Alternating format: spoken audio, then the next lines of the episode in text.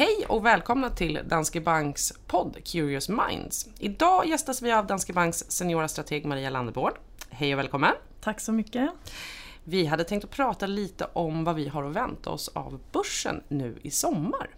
Ja. Det finns ju det här gamla härliga talesättet när det kommer till börsen och sommarmånaderna. Man brukar säga att köpa till sillen och sälja till kräftorna. Och nu är det inte många dagar kvar till midsommar. Eh, är det dags att börja köpa på sig? ja, men det här med säsongsmönster är ju ett eh, fascinerande och omdiskuterat fenomen får man säga. Och eh, sommaren beror lite på hur man definierar den. Men om man tittar på sommaren någonstans från maj fram till augusti-september. Då är det en svag period eh, på året då börsen historiskt sett eh, ja, har gått ner både i maj, i juni, augusti och september. Däremot så är just juli en månad då börsen brukar stiga. Så att om man skulle köpa aktier nu till eh, sill och nubben på midsommar och sen så sälja dem igen lagom till kräftpremiären i början på augusti så hade man historiskt sett gjort en bra hacka under den eh, eh tidsperioden. Så det beror lite på vilket tidsperspektiv eh, man har då. Men eh, sen finns det också ett annat eh, talesätt som från början är brittiskt. Sell in May and go away. Eh, och sen avslutningen på det då, som man inte hör lika ofta. Don't come back until St. Ledgers Day. Och det här syftar historiskt till att eh, bankmän, handelsfolk och aristokrater då lämnade London under de varma sommarmånaderna och sen kom de tillbaka i mitten på september till St. Ledgers Day. För då gick det ett stort hästlopp som hette eh, St. Ledgers Stakes. Och under den perioden så har ju börsen eh, historiskt i genomsnitt utvecklats eh, svagt. Så det finns två, två talesätt, ett svenskt och ett mer internationellt. Ja men precis. Men eh, har vi någon, eh, eller rättare sagt varför går börsen så svagt, svagare under sommaren då? Det har ju forskats mycket på säsongsmönster för att försöka utröna vad de beror på men det är egentligen ingen forskning som lyckats bevisa varken det ena eller det andra.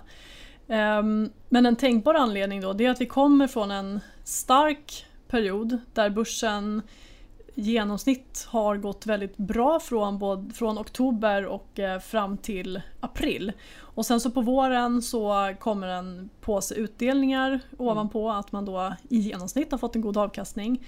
Så det man kan tänka sig är att en del investerare kanske minskar exponeringen mot börsen eh, inför semestern.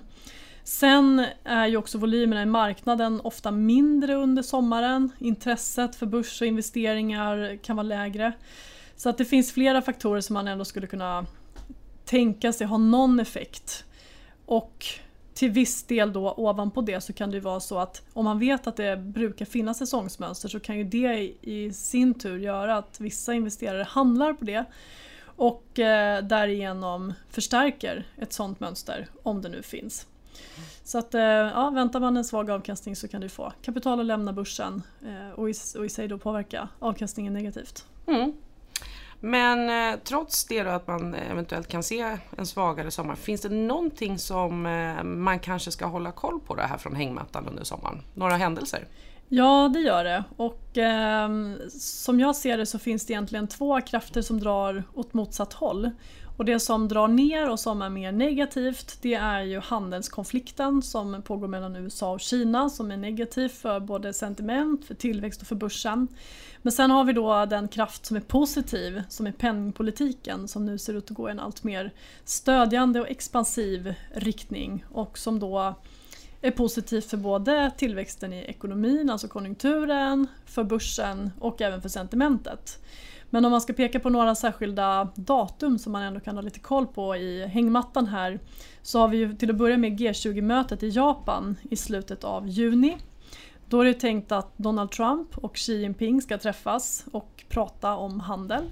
Och jag tror att vad som kommer ut av det här mötet kan få effekt på börsen och våra förhoppningar om att man ska komma med en lösning den är ju rätt liten. Men Ehm, det är ändå startskottet på att man förhoppningsvis börjar prata med varandra igen för nu pågår inga handelsdiskussioner överhuvudtaget. Sen tror ju vi vad, vad gäller handelskonflikten att den kan få en lösning framåt hösten och att både USA och Kina bör bli mer stressade och pressade att komma överens i takt med att det här faktiskt får negativa, eh, negativa effekter på tillväxten.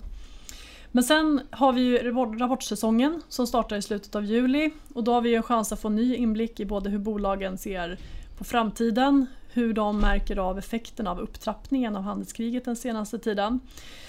Eh, så att eh, hur det slår på investeringar, på orderingång, vad det, hur det påverkar prognoserna med mera blir ju spännande. Då. Sen har vi ju räntebesked också från amerikanska Fed. Dels ett innan midsommar, onsdag den 19 juni, men det kommer faktiskt ett den 31 juli också. Och de blir ju båda intressanta med tanke på omsvängningen som har skett. Där man gick i december från att ha två inplanerade räntehöjningar 2019 till att marknaden nu väntar sig att man sänker räntan två till tre gånger innan det här året är slut. Just det. Men eh, då ser det kanske ut som att vi går mot en, en något svagare utveckling på börsen då, de närmaste månaderna om man ska tro på det här säsongsmönstret. Men din generella rekommendation, ska man handla på det här säsongsmönstret? Nej, men det ska man inte göra. Och man ska komma ihåg att även om eh, genomsnitten visar på en sak så har det varit stora svängningar, stora skillnader från år till år. Så risken finns ju faktiskt att man missar eh, århundradets eh, sommarrally om man har riktigt otur.